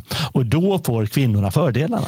Jag menar, min, eh, min morfar Folke, salig åminnelse, som var liksom eh, moderat högerspöke i sin, i sin kraftdagar dagar och vidare klagade ju redan på, på liksom skolans utveckling på 60-talet eller 70. Du vet när realexamen och att folk kunde springa ut utan att ta examen. Och han menar väl nästan att man skulle få stryk om man inte lyckades. Inte fan skulle man få en mössa i alla fall. Alltså, mm. Och det skrev han om. Och, och, saken är ju den att det här har pågått väldigt länge. Och jag tror att Dan också är inne på någonting. Om du kan läsa 25 poäng Barbie jag menar ärligt talat, mm. den här typen av, det är inte på riktigt. Vi lever ju inte, det här matriarkala samhället är ju inte på riktigt. Utan det är fluffigt och det är känslor. Du kan läsa liksom 10 poäng, alltså inget ont om Harry Potter, men jag tycker inte att det hör hemma uh, på ett universitet. Jag tycker inte att du kan springa ut med mössan i hand och sen säga att jag, har, jag är för fan professor i Harry Potter. Och, och förvänta dig då att du ska få någon form av... Alltså, jag ska ha ett välbetalt jobb efter detta och så vidare. Och så får du det för att transferiatet känner att fan, det vi behöver här på kommunkontoret det är någon med 10 poäng Barbie. eh, som ska sen sitta och berätta om att man ska ha bindor för liksom, eh, män. Alltså ärligt talat, det, det, är inte på riktigt. Det är inte på riktigt och det har slutat. Sen 1945 så är ingenting på riktigt i Europa. Eh, det är liksom en nedförsbacke. Uh, och, och eftersom alla är så jävla rädda för att vara nazister så vågar ingen säga någonting. För att då blir man kallad rasist eller nazist eller vad man nu blir. Och där, där tappade ju högen liksom hela Ja, och det känner han instinktivt och det är därför han säger att det var läskigt med Trump. Mm. Mm. Utan det handlar mer känslan av otrygghet och osäkerhet i relation till framtiden. Mm. Mm. Så arbetsmarknaden är en sak, men också feminism och jämställdhet. Men är, men förlåt, vänta. Ja. Sa inte han just att män är arbetslösa i mindre utsträckning än kvinnor? Ja, det sa han. Ja. Men han vill gärna säga att eh, män är otrygga ja. på grund av arbetssituationen. Men vad var hennes konstaterande efter det? Aha, så Precis. arbetsmarknaden är en sak. Ja. Sa han verkligen att det, alltså, Kom, kom, vi verkligen fram till det? Nej. Eller sa vi att det skulle kunna vara det? Precis. Men man kan ju inte ta henne på allvar. Ärligt talat. Jag menar, vad, vad, krävs för att sitta där och, och rapa Tid, Tidigare Aftonbladet människor. Ja, precis. Alltså, eh, nej. Eh. Spelar roll. På vilket sätt då? Men framförallt så handlar det om att feminism är en slags syndabock kan man säga för eh, olika grupperingar och debattörer och där man skyller till mycket av saker som vi som, som män drabbas av eller utmaningar för killar, exempelvis då att killar eh, pluggar vidare i lägre utsträckning eller får sämre betyg än tjejer. Varför han klippt sig själv? Oftast förklaringen till det, feminismen har gått för långt. Så, eh, och, så, och det är liksom att istället för att prata om ganska komplexa politiska system eller ekonomi så har vi en tendens att gärna prata om kanske eh, enkla binära saker om, om, som är rätt eller Så män klarar inte av att tala om komplexa system, utan vill bara ha enkla binära saker. Ja, men det, där, det där är en gammal eh, klassiker de senaste 20 åren som, som bygger på att eh, eh, man, man tänker i dikotomier, det gäller mm. att säga. Alltså, alltså, antingen är det svart eller så är det vitt. Mm. Och eh, Det bygger upp hela världsbilden. Och det är ett manligt tänkande, naturvetenskapligt hårt tänkande. Det, det, alltså, det lever kvar 30 mm. år sedan ska jag säga. 30 mm. år sedan. Jag bara tänker på alla de här männen i svarta slipsar och kortärmade saker som satte oss på månen. Liksom. Eh, de visste ju ingenting och kunde inte tänka komplicerat. Nej, men saken är den att, att Um, han är ju, det, här, det är det jag menar, vi lever i ett matriarkat. Det här är ju en kvinna. Ja, det, är det. det är ju två kvinnor som pratar med varandra. Mm. Uh, en, en, en manstant och en tantman. uh, någonstans. Va? Och, och, det blir ju bara dumt. Uh, och, och, Det vi ser ju är ju att unga kvinnor, eller kvinnor generellt idag, allt fler överger ju feminismen. Ja, allt fler är, är, trötta på det här. Och, och jag läste senast idag en, en artikel av hon på DN, vad heter hon, hon som försvarade eritreaner som våldtog kvinnor för en herrans massa år sedan. Uh, jag kommer inte ihåg vad hon heter nu. Men hon är kolumnist på DN. Som, som konstaterade att så här, titta nu trenderna Uh, trenderna inom modevärlden, så här, nu, nu stryker då flera av de här bolagen. Det är så här, nej, vi ska inte ha några eh, feta modeller. Nu, man tog bort allt över Excel på vissa. Det var så här, nu är det slut på det här. Och vänstern undrar vad som händer. Eh, och liksom, hon tar ju upp det att trenderna finns, alltså det är inte samma sak som för några år sedan bara. Man vill inte ha det här äckliga i all, det allmänna rummet. Man vill inte se Kakan Hermansson liksom, som gör reklam för någon BMW. Man vill ha en snygg tjej och kille. Alltså, vi går tillbaka till det som är det naturliga och liksom eh, någonstans. Sen hoppas jag att det inte går för långt. Ja, vi vill inte ha det här heroin chic. Det är jävla sjukt det också. Va? Men mm. Alltså, mm. det är det här, de här sitter ju också och vevar åt alla håll nu. Så här, nej, titta det händer saker. Nu måste vi utmåla män. Vi måste hålla kvar i matriarkatet. Mm. Eh, i det här fallet är det precis som förra, med, med förra grejen, att det, egentligen är det ju så att, eh, alltså jag menar med det här arbetsmarknaden, att det stämde inte det han sa. Mm. Och samma sak här, men det är inte så att feminismen målas ut som en syndabock på det sättet, utan det är fortfarande manligheten som målas ut som syndabock. Och det är därför eh, det stora slagordet de senaste 6-7 åren har varit toxic. Mm. Precis, det är det vanliga. Precis, och det, är, det är bevis på att det är manligheten man siktar mot. Ja. Men feminismen har precis som sossarna och precis som miljörörelsen eller klimatrörelsen ska vi säga, eh, snart kommer göra, de har gjort bankrutt. Mm. Den har ingen mer kraft och det är därför som som du säger att vi kommer se mycket mindre feminism numera. Och det är därför det här blir bara de står ju och trampar vatten. Jo, och det var ju som vi pratade om sist. Alltså, under hela den tiden som den här feministiska rörelsen har tjatat och tjutit så publiceras eh, den här eh, 20 nyanser av honom eller vad den heter mm. och blir en storsäljare. För alla de här kvinnorna, inklusive hon som sitter där, vill gå hem och bli eh, väl omhändertagen av en man. Och, eh, ibland hör man begreppet nollsummespel användas i det här sammanhanget. Vad, vad menar man med det? Ja, men det är helt enkelt att att, att rättigheter som ges till andra grupper per automatik kommer att liksom försvaga eh, rättigheterna för en annan grupp. I det här fallet då män gentemot kvinnor eller män gentemot hbtq-personer och liknande. Det jag inte fattar är, jag har aldrig hört någon som, till exempel, om någon som är emot homoäktenskap, säger vi. Mm. Eh, jag har aldrig hört den personen säga jag är emot det för det kommer betyda att jag får en rättighet mindre. aldrig någonsin! Det är bara i deras teorier det är liksom resonemanget bakom. Man kan ha tusen argument mot homoäktenskap, mm. men argumentet för då får jag, förlorar jag en rättighet. Den har jag aldrig hört. Nej. Den finns inte på riktigt. Ja. Den finns bara i hans teoretiska studier. Det det. Du kommer få se ännu mer av det snart mm. när han pratar om den så kallade mansrörelsen på internet. Eh, mm. Som han tror betyder jättemycket men den är så mm. jävla mikroskopisk den där jävla mansrörelsen, åtminstone i Sverige. Kanske i Kina, vad fan vet jag. Men det vill han lägga jättestor vikt vid. Mm. Det här stämmer ju inte riktigt då förstås. Utan, men däremot det man kan ta fasta på det är att om du är van vid att ha historiskt ganska dominant position i samhället så kan jämställdhet eller jämlikhet upplevas som diskriminerande och som ett hot mot eh, den egna positionen på olika sätt. Och det alltså, är vad ärligt, forskningen visar på. Det här också gör mig så trött. Vilka han menar? Jag är uppväxt på 70-80-talet. Alltså, de här tankarna fanns inte ens. Det var ingen som så här, det fanns tjejer, det fanns killar, ibland lekte vi, ibland lekte vi inte. Det, jag, jag har inte ens någon så här, det var ingen som hade en upplevd idé. Morsan, vissa morsor jobbar, vissa jobbar inte. Vissa mm. farsor hade, alltså, jag förstår inte vilka var det som kände det här att nej, nu har de tagit ifrån mig mina manliga perspektiv. Jag undrar hur jag ska reagera på det här. Jag blir lite toxisk maskulin. Ja. Nej, alltså, det, det, är ju inte det är en omedveten... Nej, och det, det han avslutar med sista är att säga det visar forskningen. Vilket, ja. då, är det, men, men, då är det återigen bara hans lilla ja, klägg här ja, utav ja. genus äh, hittepåare. Ja, precis. Så, så här, och då så kan man hänvisa för det säger forskningen och det vet det har vi fått lära oss. Trust the science, ah, forskning, mm. det är sant. Och det är därför han säger upplevs som så mycket, både där på arbetsmarknaden mm. med deras roll, männens roll, det upplevs så. Och det är för att det inte finns någon hard, eh, det finns ingen hård data bakom det. Precis. Och då måste man använda det. Det är väldigt klassiskt inom sociologi och flera humanistiska ämnen också, men framförallt samhällsvetenskapen och psykologi och så vidare. Det, det, det, det var... är där vi ska förstå det, att det här, han, jag vet inte vad han har pluggat, men ni som har pluggat allt det här, det är inte på riktigt. Det är låtsas. Alltså, det är discipliner inom akademin vi kan rota ut. Alltså, alltså, det, det är här, inte på riktigt. Harry Potter är ju mer på riktigt. Harry, ja, absolut, ja. absolut. Mm. Det, kan jag, det, det berget kan jag dö på. Och eh, faktum är att eh, han har ju fel i sak också. Att det är inte bara så att det upplevs som diskriminerande utan det är mycket inom feminismen med könskvoteringen som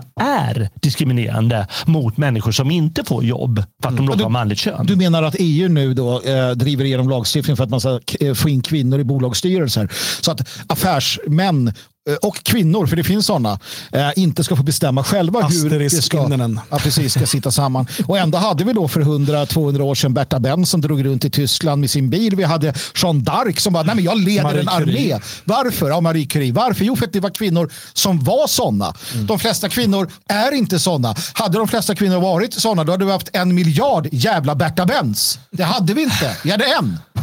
Mm är ganska vanligt varför Gud. människor eller män då röstar höger. Mm. Och sen spelar också den romantiska marknaden. Märker ni de kritiska frågorna? Ja, verkligen. Gud det här är ju det är som ett inövat, liksom, för hon vet ju exakt vad han ska säga mm. och hur hon ska leda in honom på nästa sak. Och sen så är det bla bla bla. Det här är som att de har ett föredrag inför klassen ja. där hon är lite sidekick och liksom bollar upp till honom. Eller den sexuella marknaden en roll eh, och den har förändrats. På vilket sätt spelar det? Ja, vet ni vad det kostar i Tyskland att ligga? Ja, vadå? Det är massa Den sexuella marknaden. Ja, fan, Anna, vi hade ju det programmet. Carol. Ja, men framförallt så handlar det om att, att de grupper online eh, och rörelser online och, och så, som lockar unga män eh, förklarar eh, väldigt mycket och kretsar väldigt Varför mycket kring den sexuella marknaden. Alltså, Vad är det han kan, hur ska på? kunna få en tjej eller hur ska kunna få, liksom, eh, få en romantisk relation och så vidare. Och i de här platserna så, så, så, så, hittar vi ganska snabbt en tydlig polarisering men också en sexism och misogyni på olika sätt där unga män radikaliseras till ganska extrem sexism och, och, liknande. Och det här... Varför röstar män höger? Okej, okay, för att de är outbildade, arbetslösa och inte får ligga. Om inte han tittar på förnedringsporr. ja. men säger så här. Jämför antalet män som tittar på på eh, Andrew Tate eller vilka det nu är som har de här influencers eh, där. Mm. Med antal män som tittar på saker som kanske har med, med bilar ja, eller precis. med krig eller med ja, liksom fiske. fiske. Hugga ved. Ja, hugga ved. Alla sådana grejer eller att som, göra.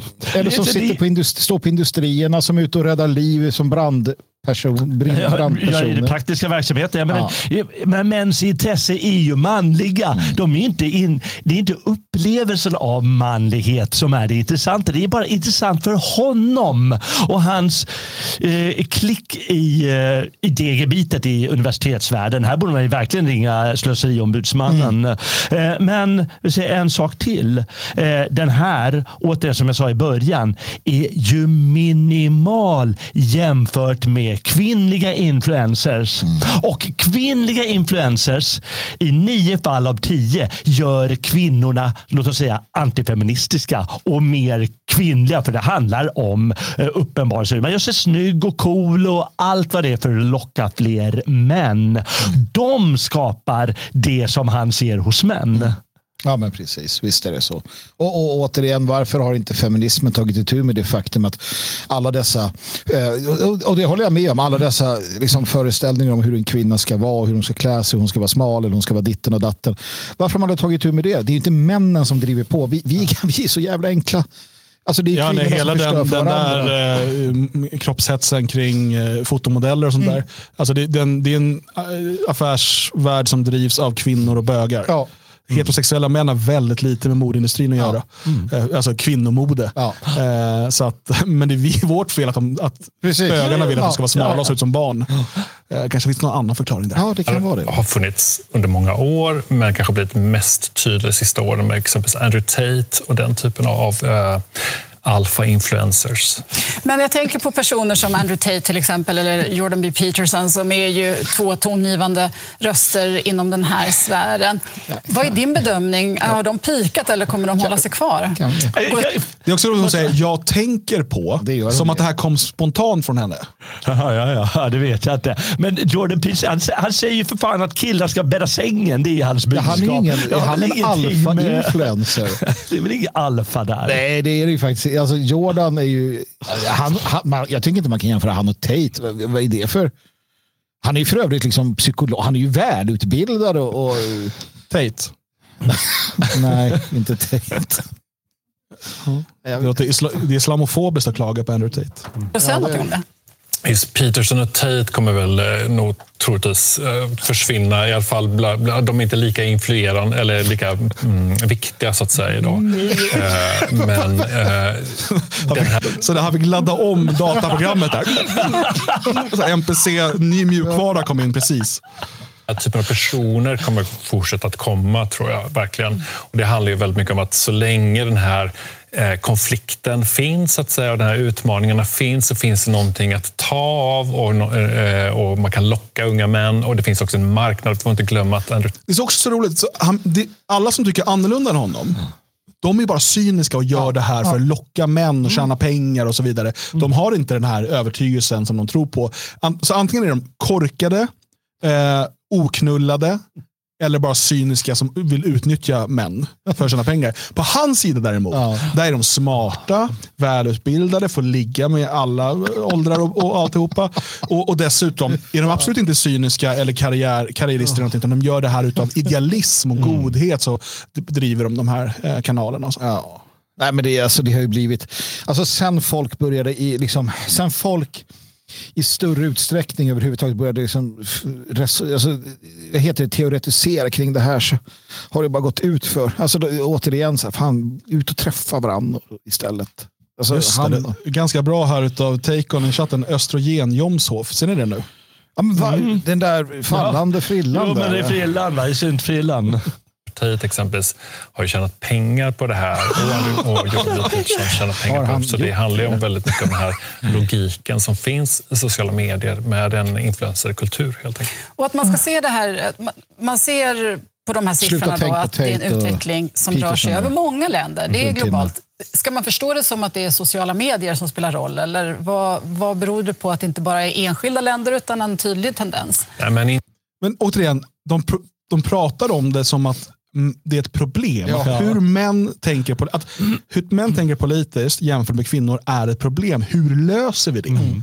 det, det, det alltså, återigen, att de inte på redaktionen, det säger någonting om hur vänstervriden den här redaktionen är. Mm. När de inte någon reagerar och säger, men vänta, vi måste ta in det här perspektivet och sådär. Vi kan ta in den här Gottsén och sen kan vi ta in då Ernst Robert Almgren eller någon. Mm. Och så kan vi prata om det här. Men, mm. men eh, nej, istället så sitter de som sagt och bara bollar till varandra och tycker likadant. Ja, det, är helt... det, är fruktansvärt. det är så dålig tv som man skäms.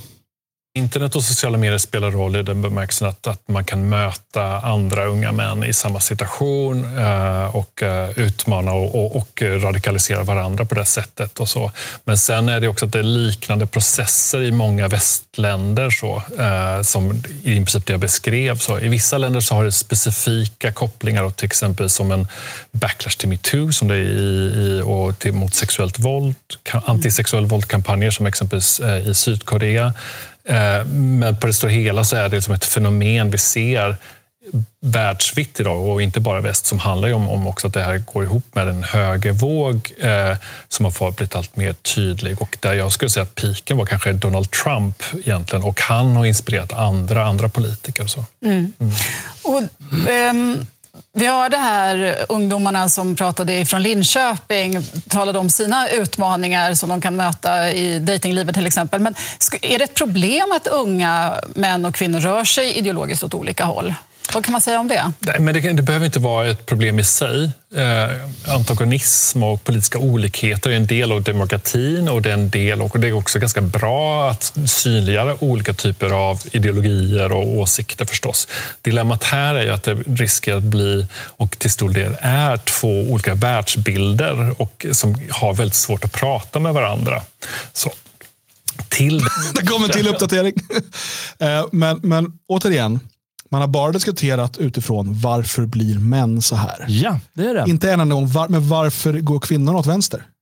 Inte, den frågan ställs inte. Nej. Och han, han ska ju vara barn och ungdomsforskare. Han bara...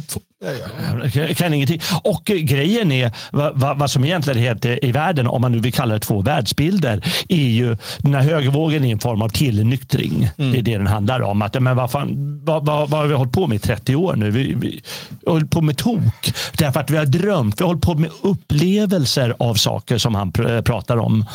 Och det är därför det. Och, och kvinnorna väljer fortfarande att leva i den världen. Mm. Jag tycker Om man är, polarisera på det sättet. Det där är jätteviktigt det du säger. Uh, för att, och det här är kanske något som alla bör ta till sig som lyssnar och förstå det. Att det, det, det ursprungliga, det naturliga, det, det är liksom självklara. Det är inom, inom det är auktoritet. Det är det, det är liksom maskulina Hierarki. eh, hierarkier. Det är allt det här är det som är liksom, om du gör en kontroll alt delete på jorden tillbaka till ursprungsinställningen. Då är det det du får. Alla de här 6000 åren som jorden har funnits. Precis, alla de 6000 år uh, som jorden har funnits. Uh, och det, det, är liksom, det är det som händer, att vi återställer oss. Och det klarar de liksom inte riktigt av. Så att, eh. Nej, de har ju valt att leva i upplevelsevärlden där. Det, det är de som befinner sig där och de hatar ju att världen håller på att nyktra till. Ja, det, de avskyr det, för de, då har inte de något syfte längre. Mm. Nej. Ja, kolla sista sekunderna här bara, så vi inte eh, anklagas för att ha undanhållit något. Det då skulle man säga också att den här, eh, det är långt ifrån alla som röstar så här, som tycker så, men i den här manosfären och i den yttersta högen så är man ofta ganska kritisk till kvinnors rättigheter, till hbtq-rättigheter och liknande. Och det i sig kan vara en utmaning och eh, underminera demokratin. Mm. Ah, underminera. Lukas Gotzén, stort tack för att Fick de till det som avslutning, underminera demokratin. Mm, vi kan ju säga att demokratin så som den ser ut idag inte heller tillhör originalprogrammeringen. Långt ifrån. Ja, där har de verkligen slagit back ut eh, systemen där på datorn. Mm. Hörrni, eh, vi ska ta ett sista ämne strax. Eh, på fredag kommer ju en podcast för dig som är stödprenumerant. Eh, jag tycker den vi ska ut senast nu i fredags. Mm. Det var väldigt bra. Eh, hoppas du har hunnit lyssna på den. Om inte annat så gå in på svegot.se och lyssna. Eh, varje fredag kommer ju en podcast för dig som stödjer vårt arbete. Eh, och Du går in på svegot.se support och blir stödprenumerant. Vad ska man mer göra egentligen? på lördag, på om lördag. allt går enligt planerna. Jag måste ändå säga så för att bjuda in gäster. då är det meningen att det ska komma ett gamla, nya och stigar. Jag vet inte, är det sossen nu som är full? Eller? På gamla och nya stigar. Ett avsnitt. Eh, Av och med om... Stig-Helmer. Nej, nej, det är det inte. Om eh, tåget över Bält oh. förstås. Det blir spännande tider 1658. Ja. Det var alltså innan järnvägen så körde vi tåg i Sverige redan. Mm. Eller ja. Danmark. Och eh, det var på den tiden eh, då det var eh, någorlunda. Programmen var inom kontroll. Mm. De hade inte flippat ur. Men, det blir spännande med, med, med, med Robin. Så eh, på svegot.se en ny podcast på fredag och på sveating.se en ny podcast på lördag. Ja. ja. Och på söndag en ny ljudbok eh, avsnitt. Hela helgen är räddad. Samtidigt. Smurf. Eh, låt oss gå in på det sista ämnet och det tänkte vi då ta en eh, tittarfråga och det är ett ämne vi har varit inne på tidigare. Eh, så att eh, ja, det, var, det, men det var ett tag sedan, det är nog ett gäng år sedan eh, vi pratade om det senast. Och eh, Det har att göra med det här med medborgarlön. Eh, och Det är då eh, Sven Detta eh, som skrev som kommentar på vår sändning från förra veckan. Så här, jag ska läsa hela då så får vi ta det sen. Ett ämne jag skulle vilja höra er ta upp är baslön, också känt som medborgarlön. Detta kanske är ett totalt nej från er sida, jag vet inte. Vi har en stor arbetslöshet idag i Sverige. Läste någon siffra som låg på 20 procent, vet inte om den stämmer. Oavsett så är den hög. Räcker med ögon och öron för att inse detta. Och om vi ska vara ärliga, att få jobb idag sker oftast via kontakter eller om du har studerat till läkare, då får man jobb direkt. Baslön kanske bara skulle vara en möjlighet efter internering, deportering och repatriering. Eh, det finns positiva studier i alla fall där det har prövats bland annat på människors fysiska och mentala hälsa. Kan ha mycket att göra med att slippa bli förnedrad som arbetslös och stå med mössan i handen hos SOS eller bli utnyttjad på något sysselsättningsjobb som ändå finansieras av staten. Alla vill i grunden och botten jobba. Nu ser man inte hela texten här. Det är mm. jättejobbigt. Um, en sekund så ska jag få fram hela. Uh, alla vill i grund och botten jobba, det vill jag tro i alla fall. Fast har du inget jobb så har du ingen framtid. Och där kan en baslön rädda liv eller ingjuta en förhoppning om bättre dagar. Så var hela texten. Uh, så, ja, jag tror att de flesta har talas om konceptet, men eh, tanken är helt enkelt att man har en typ av garanterad inkomst eh, varje månad eh, som det man kallar för medborgarlön. Mm. Eh, och att det i sin tur då ersätter eh, de nuvarande försäkringssystemen i form av barnbidrag, bostadsbidrag, socialbidrag och så vidare. Mm. Så att man inte behovsprövar någonting utan oavsett om du jobbar eller inte oavsett och så vidare så har du en, en bestämd summa på säg 10 000 kronor som kommer mm. in på kontot varje månad. Um, ja. Så att så är tanken med medborgarlön eller baslön. Magnus? Ja, jag har ju funderat fram och tillbaka, fram och tillbaka på detta. Jag vill bara först säga att jag utgår naturligtvis från att vi befinner oss i ett svenskt Sverige. Okej, okay, då sätter vi den först då, så ja. att vi inte det här mångkulturella... Nej, nej. Eh, nej. Jag, jag, mm. kan inte liksom... För, alltså det, det, här går inte att rädda på något sätt, så att det är som det Men i ett svenskt Sverige Eh, så är jag numera varm anhängare av konceptet med medborgarlön. Alltså att det finns en lön som du får. Ehm, den täcker, som jag det ser i min värld, den täcker liksom, du, du kan leva på Existensminimum typ. Existensminimum, du kan leva på den. Eh, du får den, även om du är högavlönad, lågavlönad, alla får den. Den, den delas ut gratis så att säga. Ehm, för att jag är övertygad om att eh, ett, ett, eh, ett, ett, det finns ett, ett fåtal personer i ett samhälle som är odugliga. Uh, och de är på riktigt odugliga vad du än gör. Um, att slippa en stor administration kring de människorna och att de ska liksom prövas varje månad, de ska få bidraget och det förnedrande i att gå med mössan i hand. Uh, skulle på liksom det sättet, det slipper vi då. Um, människor som inte är värdelösa, Eh, och som liksom har ambitioner kommer att eh, mm, så att säga jobba i alla fall. Jag, jag tillhör den skaran. Eh, med största sannolikhet så kommer jag jobba i alla fall. Alternativt så kommer jag tillhöra den skaran som lever på min existensminimum för att kunna skriva, dansa, sjunga, måla eller vad jag nu vill. Som idag har vi då något som heter eh, konstnärslön som utgår till det regeringen eller staten tycker är bra konst. Eh, det skulle, tror jag, kunna ersätta mecenaterna, det vill säga att du kan eh, ägna ditt liv åt att skriva smala eller breda böcker och, och det funkar. Eh, eller så jobbar du och är du jätterik så är jag rätt säker på att de som är jätterika de säger nej men vet ni vad jag tar och donerar det här till ett, eh, någonting jag tycker är bra. Um, därför så ser jag inte några större problem med om det funkar rent ekonomiskt. Uh, jag är helt, helt för i det perspektivet. Tack. Oj. Men okej, okay, låt oss då förutsätta, nu tar vi den siffran det blir lätt, att alla får 10 000 kronor i månaden mm. eh, som baslön. Det skulle ju också göra att lönerna sjunker. Mm. Om vi inte nu, för att skulle lönerna inte sjunka så skulle vi få inflation och priserna skulle gå upp. Eftersom att plötsligt skulle alla ha 10 000 mer att röra sig vid. Mm. Den som har normalt sett 15 000 skulle plötsligt ha 25 000 mm. att röra sig med. Och då skulle priserna på saker gå upp och så vidare. Så då skulle alltså lönerna sjunka. Eh, så mindre av dina intäkter kommer från din arbetsgivare, eh, direkt i alla fall, det blir indirekt och via skatten.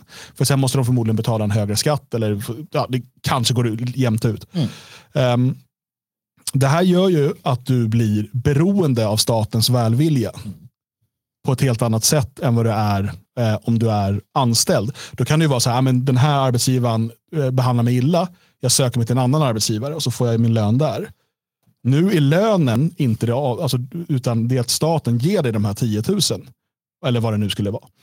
Eh, och då plötsligt hamnar du i ett läge där staten plötsligt kan säga att nu kommer en pandemi. Mm. Ta sprutan, annars får du inte din medborgarlön. Mm. Varför vill vi ha ett samhälle där alla, eller väldigt många åtminstone, är beroende av staten för mat på bordet. Istället för att man är, eh, är beroende av liksom, sin egen insats. Mm. Är det en fråga? Typ? Ja, ja, nej, jag tänker, om, för att skulle man ha medborgarlön så öppnar man upp den dörren, precis som vi såg eh, Corona borde ha lärt oss det här. Att ge staten den makten och säga, som de höll på att tjata om under corona, att ja, men om man eh, inte tar vaccinet, då får man väl betala sin egen sjukvård. Då. Får man betala sin egen Okej, okay. och sen kommer det något annat som staten tycker är viktigt. att Det här måste mm. du gå med på. måste du göra för allas bästa. Annars försvinner din medborgarlön. Mm. Eller ska också mm. interner, ska våldtäktsmän som sitter mm. inlåsta, ska de också ha mm. medborgarlön? Mm. Eller ska man kunna dra undan medborgarlön för vissa? Och då öppnar man ju upp för, okej, okay, den som vägrar vaccinera sig utgör ett hot mot alla andra. Ja. Då bör den inte heller få någon medborgarlön. Precis, har vi en stat så öppnar vi upp för att staten bestämmer över oss. Ja, men så länge vi ser till att staten, att vi är så oberoende som möjligt från den. Ja. Medborgarlön är att göra oss superberoende utav, alltså inte bara beroende för oh, vem lagar vägarna mm. och så mm. vidare, utan för mat på bordet. Mm. Nej, precis. Men alltså, jag ser det lite som att, eh, alltså, först och främst så ser jag att i ett svenskt homogent Sverige så är jag inte särskilt, alltså, jag, jag, jag, utgår ju naturligtvis också ifrån att den staten jag pratar om är en, en stat som, som jag själv är en del av eller sådana som jag. Liksom. Och då, då har jag inget, liksom, så, så, att det blir ju en grundförutsättning. Jag skulle ju inte säga ja om det är, ja, men det är Stalin. Nej, då kommer jag inte tycka att, då vill jag inte ha den överhuvudtaget. Och den enda form av stat som jag egentligen kan acceptera det är en stat som är i grunden nationalistisk. Alla andra statsbildningar kommer jag alltid vara en motståndare till. Så att det blir svårt att resonera, för mig i alla fall, utifrån ett annat perspektiv än att det är våra killar så att säga som, som, som styr detta. Och då, då har jag liksom inte det. Det blir en utopisk tanke naturligtvis. Mm. Um, för alternativet som jag ser, det är nästan binärt det här vad det heter. Alltså det är antingen har vi det här eller så har vi inte det här. Och då har vi ingen stat. Eller nattväktarstat. Men, men då blir det ju så också att man hamnar i, i, i klorna på som vi ändå har sett i svensk historia. Arbetarrörelsen växte sig ju stark för att väldigt många människor hade det väldigt tufft på sina arbetsplatser. För att ja, du var beroende av att patron gör som patron säger, annars svälter du din jävel. Och det är inte heller särskilt schysst. Och då växte ju arbetarrörelsen med rättigheter och krav och så vidare. Så att där finns det ju sina problem. I USA, vissa hävdar ju i alla fall att det är ett samhälle som till stor del bygger just på att företagen har istället en jättemakt över dig. Att jaha, om du inte gör som vi säger, då har du inget jobb här. Då har du inga försäkringar, ingen tandvård, ingenting. Mm. Uh, så det känns som att man liksom alltid är någon jävel som ska... ja, men så är du är alltid beroende av någon, men arbetsgivare är lättare att byta än stat. Ja, det är möjligt. Mm. Eh, jag tror dessutom att eh, svälten är en viktig drivkraft för mm. människor. Jag tror det är grundläggande drivkraften till att du faktiskt stiger upp på morgonen och går och gör något, något form av jobb. Det är för att du ska få mat i magen, annars kommer du svälta. Det är ganska jobbigt den här tanken.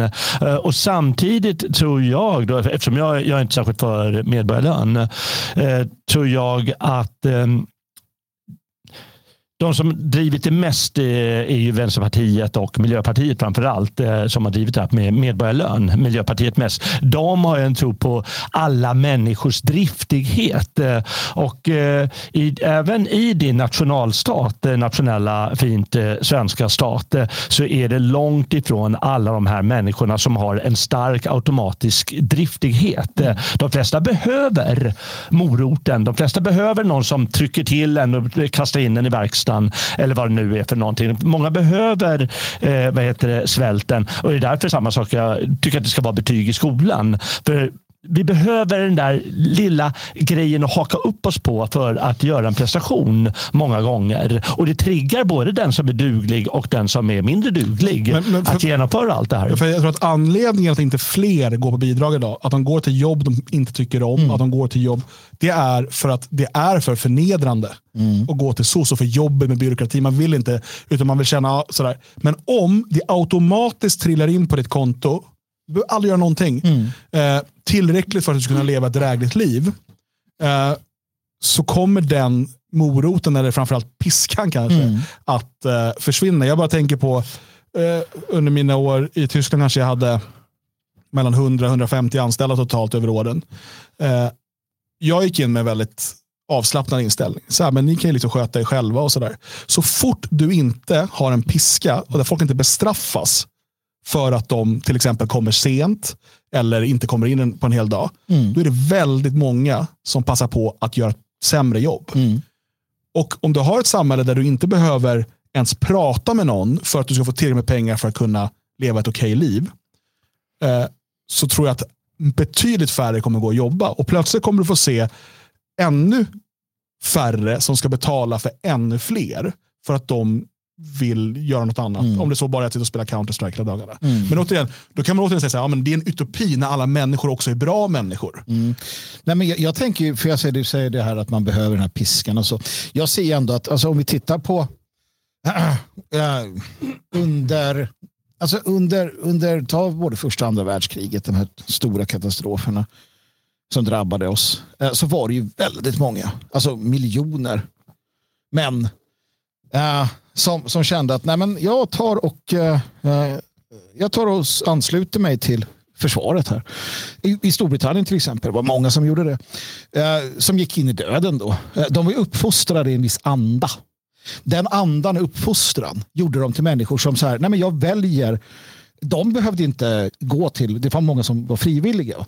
De behövde inte liksom göra det. Samma sak, vi såg de som reste till Finland. Alltså, det finns människor som, som, som väljer det. Och jag tror att om du uppfostras på ett visst sätt, om du har en viss anda i ett samhälle, där du, där du läser och lär dig om patriot, alltså patriotiska dikter och det är liksom den här typen av nationalism som du lär dig från barnsben, alltså en politisk korrekthet i vår värld då tror jag inte att du sitter hemma och liksom skiter i vilket och pissar på samhället och, och käkar chips och counter-strikar dig hela dagarna.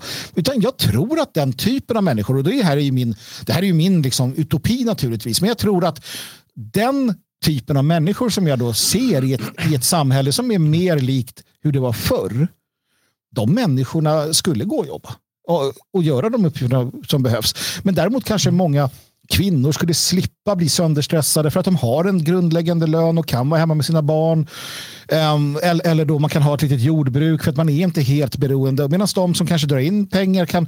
Jag, jag tror fortfarande att i grunden finns någonting här som är eh, intressant. Först att behöver vi nya människor, sen en ny stat och sen är det här möjligt. Ja, ja, absolut. Men, men, men det finns ju Ja. en, en brist i resonemanget och det säger att ja, men då kan de ägna sig åt eh, jordbruk lite grann och de kan ägna sig åt eh, konst och de kan ägna sig åt sånt. Mm. Men då kommer det bli, kommer behöva tusentals övervakare och åter tusentals, mycket mer än det finns eh, människor som betalar ut bidrag, som kontrollerar att de inte tjänar pengar på annat sätt. För då eh, borde de inte få den här medborgarlönen. Eller alla bara får de där 10 000 extra Ja, menar fast medborgarlönen är ju, det får du ju alldeles oavsett om du tjänar pengar eller inte. Ja, men den är ju meningslös för då kommer priserna bara gå upp. Ja, precis, det är det jag säger. För det som händer är att då, då måste ju lönerna sjunka. Det, måste, det kommer löna sig mindre att arbeta. För att om lönerna ska ligga kvar på samma nivå, men alla får 10 000 extra, då får du inflation och höjda priser. Och då blir, raderas effekten ur ändå. Ja, eh, det funkar ju inte bra nu heller. Så att det är ju frågan, vad ska vi ha då? Alltså medborgarlönen, om den inte funkar, det vi har nu funkar inte så bra, då finns det nog fler idéer. Ja, har ni det? Ja. Ja, har det? För jag, jag, Vi genomför det. Vi genomför det här och då kommer alla de här odugliga, låt oss kalla dem knarkarna, avsky, avsky de som ligger och knarkar, Ja. som bara ligger och knarkar istället för att göra något driftigt. Va? Och eh, då kommer de som jobbar och sliter, de kommer bli så jävla förbannade på de här som bara får sin medborgarlön och ändå bara sitter och knarkar. De skulle vara driftiga och då kommer de slå ihjäl alla dem och så kommer det inte finnas några sådana kvar. Men vi hade ju i Sverige, en, en, vi hade inte medborgarlön, men alltså att gå på SOS eller att vara hemma utan, alltså på 70-talet, man pratar med folk så här, du kunde bara skita i allt. Och det var så här, de flesta sket inte i allt. De flesta gick till industrierna. De, de var så här, de satt inte hemma och, och brydde sig inte. Men du, du hade ingen karens. Du hade sådana jävla bidrag så du kunde skita i vilket. Jag vet, jag pratade med gamla chefer. Så här. Men det var ju en ganska liten del av svenskarna. Resten gjorde ju en massa saker för att de ändå hade den här känslan av att så här, nej men vi ska jobba, vi ska liksom pytsa in och så. Men ni, ni menar att de flesta svenskar är liksom, de skiter i vilket och vill käka chips. Jag tror ändå att det finns i grunden en vilja Det- det- i en nation där vi utbildar, där vi läser för den står sägner, där vi i skolan lär oss att stå i vakt och svära ed till flaggan. Vi lär oss, där tror jag fortfarande, till skillnad från er Jo, kära men vänner. det, det, det finns ju väldigt många steg innan medborgarlön blir aktuellt. Absolut. Men, men vi kan ju inte bara, det är som så här, alltså, så är det ju med alla förändringar. Att det går inte bara att kasta ut. Men vore det inte bättre då bara att eh, den som behöver, den som är arbetslös automatiskt får bidrag? Eller att alla ska ha en medborgarlön? Ja, kanske. Ja, ja, jag vet inte. Ja, visst. Det kan ju funka det också. Nej, alltså, kanske folk bara skiter i och då bara, jag behöver bidrag. Ja, här. Ja. Jag, jag tror ju att eh, det hela tiden balanserar det här. Eh, hur mycket bidrag ska vi ge? Mm. Om man ska ge för mycket bidrag, då blir folk arga. Alltså folk blir missnöjda. Ja. Det, det brinner ju ögonen på dem. De blir riktigt, riktigt förbannade. Det är därför alla är så förbannade på, på invandrare som får massa bidrag. Och Mm. Kommer ni ihåg den här 23 000 kronors eh, debatten? Eh, De hade sina fyra barn, Somalien, och får de 23 Fan, de får ju faktiskt ut 23 000. Det är helt ofattbart. Det är mer än min fru, eh, säger folk. Och folk blir arga och upprörda och då måste det balanseras på något sätt. Eh, Man kan ha din idealvärld, men eh, jag, jag tror tyvärr inte att det... Jag tror, jag tror ju inte att vi kan få en idealvärld. Nej, men jag tänker, vi, vi har ju de här, äh, idag har vi det här barnbidraget, det delas ut till alla. Och det är ingen som tänker på det. Liksom. Jo, det har varit ganska mycket Det, diskussioner. det delas inte ut till alla, det delas ut till de som har barn. ja, det är sant. Det är sant. Uh, nej, men visst har varit diskussioner om det. Jag vet, jag vet, jag vet. Men, men Jag tycker fortfarande det är kul, för jag får att- barnbidrag, sen betalar jag typ samma summa i dagisavgift. Ja.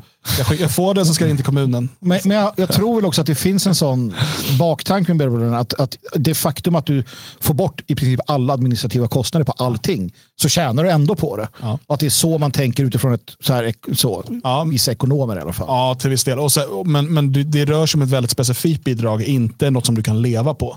Utan det är ju tänkt att det ska täcka kostnaderna för, jag vet inte för vad egentligen i, idag, för ba, kostnader som barn skapar extra för dig. Eh, Det är ju inte så att alla går på SOS. Jag har aldrig tagit ett SOS-bidrag hela mitt liv. Jag aldrig, jag, men, Jag, jag menar medborgarlönerna, alltså att, att, Ja. de, att ekonomerna hävdar okej. att Ja, ja, det precis. ändå är billigare. Det finns de som, som hävdar det. Det här testet i Finland visade ju att det inte gjorde att folk arbetade mer. Eh, För det var ju tanken då att du kanske för då kunde du ta ett extra jobb utan känna ett spe- stress att du behövde ta ett heltidsjobb. Okej. Mm. Så du kunde ta ett deltidsjobb och komma in den vägen. Men det visade sig på det här testet då, som var ett halvår eller någonting, att eh, folk inte jobbade mer utan tvärtom. De jobbade mindre men de mådde bättre. Mm. Ja, det är ju skit. Nej, men det är så här, eh, de var redan arbetslösa. Nu fick de fortsätta vara arbetslösa, men de slapp gå till SOS. Fick leva exakt samma arbetslösa liv, eh, men de slapp göra någonting. Men då är det alltså, om det finns, alltså om det finns evidens som säger det, då är det ju uppenbart. Då kan vi ju inte ha det. Alltså då, är det ju, då är det ju ändå klarlagt att evidensen visar att det inte blir bra, då ska vi inte ha det. Då är jag emot helt plötsligt. Det är ett väldigt eh, litet test dock. Eh, jag ska inte säga att, den är, att det är uttömmande. Eh, men de tyckte att de, de mådde bättre. Nej, men så här mycket mer, alltså jag ser inte heller att varför ska vi jobba mer? Ja, men de här var ju arbetslösa. Jaha, det var de som var arbetslösa. Ja, det var bara okej. arbetslösa som fick med i testet. Och det är där, därför skulle det varit intressant att ge det istället till människor som har ett arbete och se om de börjar arbeta mindre. Ja, nej men precis. Och sen var det så här 570 euro eh, i månaden. Så det är ju, men det är motsvarande SOS-bidraget antar jag. Ja, Sen, sen är det ett problem till och det är ju Två års experiment var det. 2000 arbetslösa i åldern 25 till 58. Som redan fick arbetslöshetsunderstöd av Folkpensionsanstalten. Och motsvarigheten till vår försäkringskassa. Fick nu istället för traditionellt arbetslöshetsunderstöd skattefritt 560 euro i månaden. Denna basinkomst kom in på kontot en gång i månaden utan någon som helst pappersexercis eller krav på aktivitet. Summa storlek minskade heller inte om man skulle jobba under perioden. Mm. Eh, ja, eh, ja, alltså med det där. Man pratar ju om långtidsarbetslöshet eh, och jag tror att den kommer öka drastiskt i det här fallet. För på något sätt så, ja, men vad ska jag göra liksom? Man tappar gnistan helt enkelt. Ja, jag får ju pengarna ändå. Jag bara får, jag får Ja, fast det blir också, vi har ju långtidsarbetslöshet idag. Mm. Ja, men det kommer vara så många att, fler som är där.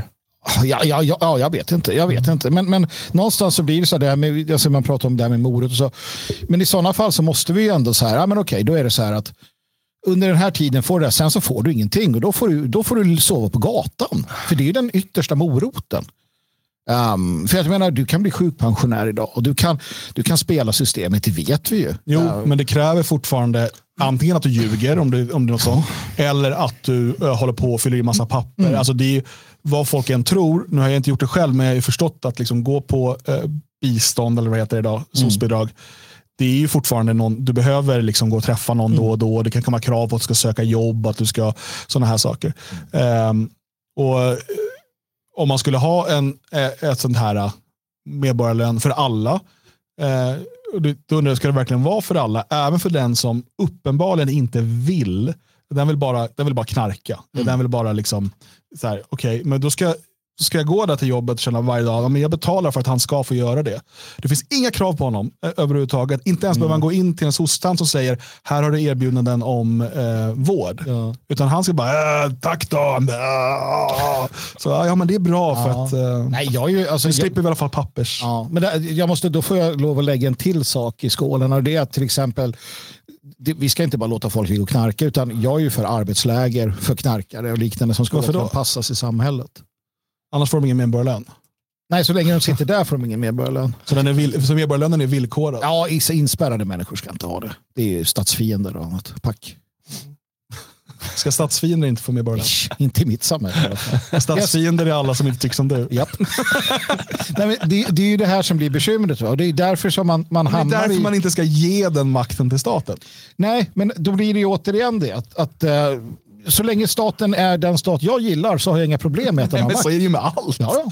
Det är därför lagar måste stiftas utifrån, okej om mina fiender fick den här makten, hade jag varit okej med det? Ja, fast de kommer ju ändra på den lagen. Men, Vilket vi ser i USA som har kanske den bästa... ja, och då får man se till att eh, liksom, avsätta dem innan de lyckas ändra det. Ja, och det gör man inte tydligen. Nej, nej, nej. nej. Och det, det, det är ju väldigt, väldigt tråkigt. Men det är varför, så här, jag har ju inte några problem med att man förbjuder muslimska organisationer i Sverige.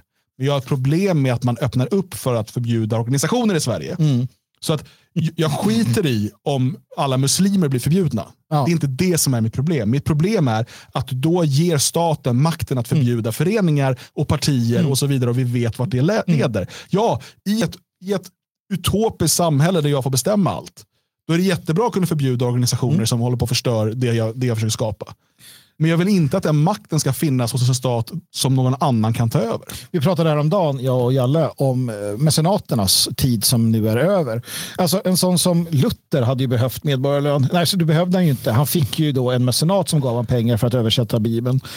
Uh, och jag tänker det hade kanske varit något istället för att Kulturrådet ser till att människor gör den här saken. Hade vi haft färre bidrag så att människor fick behålla mer utav det har också- det har också krävt mindre administration. Fick behålla mer av sina pengar. Då hade man ju kunnat vara med senat och liksom stöttat det som man tycker Ja, är bra men viktigt. var det ett svar? Fick jag svara så? För att nu var det ju medborgarlön eller inte. Och då svarade jag medborgarlön. för att det tyckte jag men absolut, jag är mer anhängare av att alltså, den typen, det är bättre. Eh, om, jag kan liksom, om jag inte måste välja medborgarlön eller inte medborgarlön. Mindre, bi- färre bidrag, mindre bidrag. Du tänker att eh, det, dikotomin här är alltså då medborgarlön eller så som det är idag? Ja, precis. Det är så jag typ Okej. lever. Annars så finns det ju en hel räcka av andra saker vi kan göra va, grabbar? Och det tror jag på. Jag tror på Ja. mellanvägen. Det är bra att du tog ditt Rösta ansvar. på mig, eh, Magnus. Att du tog ditt ansvar för diskussionens skull. och Tog en, Ja, ja, men det det måste man att göra. Så här är det. Jag kommer ställa upp i EU-valet. Och jag vill att du röstar in mig så att jag kan dra runt på krogarna som jag inte går på och käka såna här skalbeklädda ostron som jag inte tycker om i Bryssel. Och jag lovar att ställa till det i parlamentet. vad för ostron? Nej, inte ostron. Så har du skalbeklädd? Skal, skalbeklädda de här, vad heter det där? Skalbeklädda. Molyneux. Vad fan heter det? Va? Som vi, Musslor menar du? musslor, ja. Jag tycker inte om musslor. Det är Uh, så att rösta på mig, Magnus Söderman, uh, i EU-valet. Molyneux. Det heter inte heller. kryssa mig eller skriv mitt namn på en tom. Kan man göra det? Jag, jag tror Ja, fan det jag, kan, jag kandiderar fan ta mig nu. Rösta på mig i EU-valet. För ett fritt Sverige. Kör! kanske inte kommer dit. Det kommer bli som Die Partei i Tyskland. Ja, men jag, vill, jag gör det för pengarna. alltså helt klart, jag vill ha, jag gör det för pengarna. Och, och lite annat. Kan du utmana hon van der Leyen då? Du, jag kan. Jag, jag lovar att ge en torpare i parlamentet. Röstar ni på mig så kommer jag gå fram till van der Leyen. Hej, och så skakar jag så här, så bara pam! Bra gjort. I shit you not, jag gör det. Hopp, och där avgjordes EU-valet i förväg ser jag. Ja, det.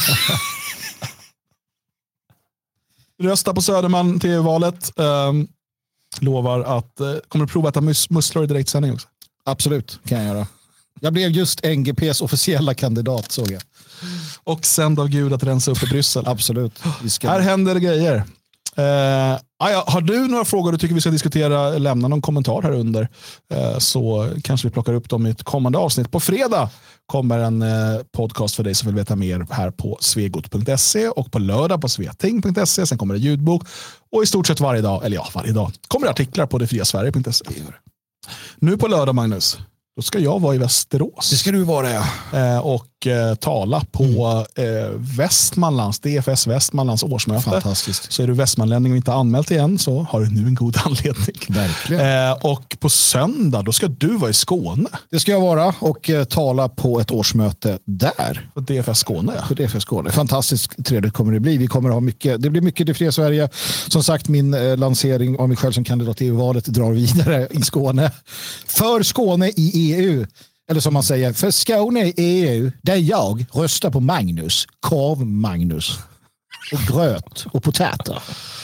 Eh, och sen är det så att den 13 april eh, Till Göteborg Nej, då ska vi kampanjerna. då ska vi, ska vi, ska dricka vin. Vi ska dricka vin i Stockholm du och jag. Jag är i Stockholm så jag käkar reker. Ja. Det blir vinlunch med mingel och föreläsningar eh, med eh, dig och mig Magnus.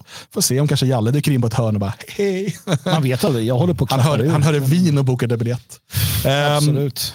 Den kan ni fortfarande anmäla er till. 13 april är det. Allt det här finns inne på detfriasverige.se under evenemang. Eh, jag tänker att vi nöjer oss så. Tack så mycket. Och så önskar vi en eh, fortsatt eh, fin vecka med lite vapen och sprit. Hej hej. Sprit.